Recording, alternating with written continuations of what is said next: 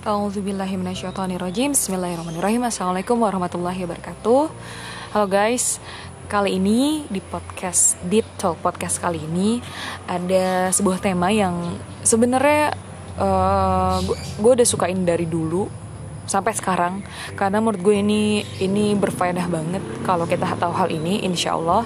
Dan mungkin sebagian dari kalian juga udah tahu, tapi nggak apa-apa, kita sama-sama review lagi ya, yaitu tentang mujizat ilmiah dalam puasa part 1.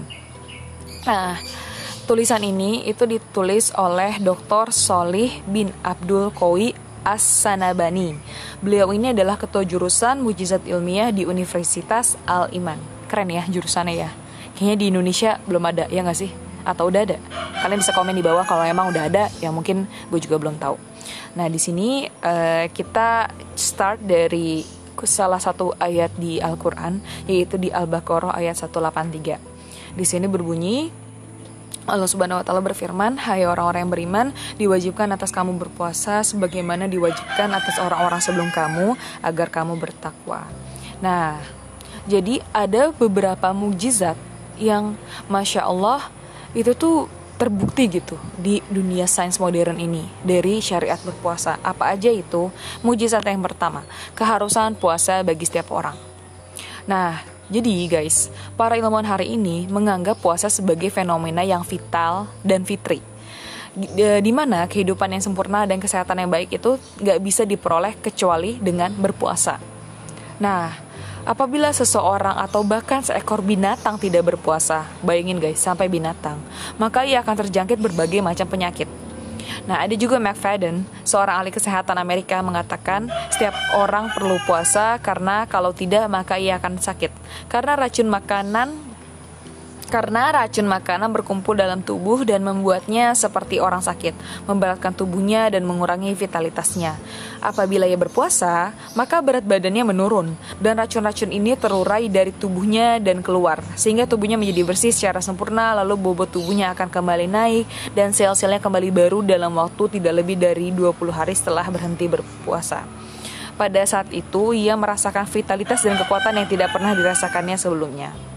Nah, kalau kita sebut poin per poin, di antara man manfaat kesehatan dari puasa adalah pertama, merelekskan tubuh dan memperbaiki syaraf-syarafnya. Yang kedua, menyerap zat-zat yang mengendap di usus. Pengendapan dalam jangka waktu yang lama mengakibatkan perubahan endapan itu menjadi kotoran yang beracun. 3. Memperbaiki fungsi pencernaan dan penyerapan 4. Mengembalikan vitalitas organ pembuangan dan memperbaiki fungsinya untuk membersihkan tubuh yang mengakibatkan terkontrolnya stabilitas dalam darah dan berbagai cairan dalam tubuh 5. Mengurai zat-zat yang berlebihan dan endapan-endapan di dalam jaringan yang sakit 6. Mengembalikan keremajan dan vitalitas sel-sel dan berbagai jaringan dalam tubuh 7. Menguatkan indera dan meningkatkan IQ dan 8 memperbagus dan membersihkan kulit. Masya Allah keren ya, manfaatnya luar biasa banget. Nah, di, ada juga nih Alexis Carrel, pemenang hadiah Nobel di bidang kedokteran, pemenang hadiah Nobel, Masya Allah. Di bidang kedokteran dalam bukunya Man the Unknown mengatakan, banyak porsi makanan dapat melemahkan eh, sorry, banyaknya porsi makanan dapat melemahkan fungsi organ dan itu merupakan faktor yang besar bagi berdiamnya jenis-jenis kuman dalam tubuh. Fungsi tersebut adalah fungsi adaptasi terhadap porsi makanan yang sedikit. Gula pada jantung bergerak dan bergerak pula lemak yang tersimpan dalam kulit. Semua organ tubuh mengeluarkan zat khususnya untuk mempertahankan keseimbangan internal dan kesehatan jantung. Puasa benar-benar membersihkan dan mengganti jaringan tubuh kita. Masya Allah. Nah, mujizat yang kedua. Mujizat yang kedua ini hmm, minimal puasa satu bulan dalam setahun. Nah, ini kok bisa ya puasa satu bulan dalam satu tahun? Uh, di surat Al-Baqarah ayat 185 itu Allah Subhanahu wa taala berfirman. Karena itu, barang siapa di antara kamu hadir di negeri tempat tinggalnya di bulan itu, maka hendaklah ia berpuasa pada bulan itu. Atau uh, dan di sini Prof. Nico Lev dalam bukunya Hungry for Healthy mengatakan setiap orang harus berpuasa dengan berpantang makan selama 4 minggu setiap tahun agar ia memperoleh kesehatan yang sempurna sepanjang hidupnya. Masya Allah. Jadi uh, selain itu di ayat Al-Quran disebutkan berpuasa satu bulan ya juga ada pakar kesehatan yang juga menyatakan hal yang sama bahwa setiap orang harus berpuasa dengan berpantang makan selama 4 minggu atau sekitar satu bulan. Nah, mujizat yang ketiga mengenai penetapan waktu puasa dari matahari terbit hingga matahari terbenam. Nah ini juga ada mujizat ilmiahnya guys, masya Allah. Jadi kan kita tahu ya sebenarnya rata-rata kita berpuasa itu uh, sekitar 12 sampai 18 jam ya kalau kayak kita di Indonesia let's say kita dari jam uh, lim, kita hitung dari jam 5 ya anggap aja ya. 6 7 8 9 10 11 12 13 14 15 16 17 18 kita buka sekitar pukul 18 berarti sekitar 13 jam kita berpuasa. Nah, di sini penelitian ilmiah membuktikan bahwa jarak waktu yang tepat untuk berpuasa adalah 12 hingga 18 jam. Nah, karena uh, sesudah itu simpanan gula dalam tubuh mulai terurai seperti Dranik dan kawan-kawannya. Nah, tahun 1964 juga nih uh, tercatat ada ada apa namanya sejumlah penyakit komplikasi kritis akibat berpuasa lebih dari 31 hari atau namanya wish wishal wishal. Iya mungkin itu. Aku nggak gue nggak tahu sih ini istilah kesehatan atau keagamaan tertentu gue nggak tahu. Tapi di sini namanya wisal W I S H A L. Nah, di sini tampak jelas mujizat uh, ilmiah ya gitu ya dari Al-Qur'an dan Sunnah di mana uh, Rasulullah SAW juga melarang puasa uh, wisal atau bersambung dari Abu Hurairah bahwa Nabi Shallallahu Alaihi Wasallam bersabda, janganlah kalian puasa wisol.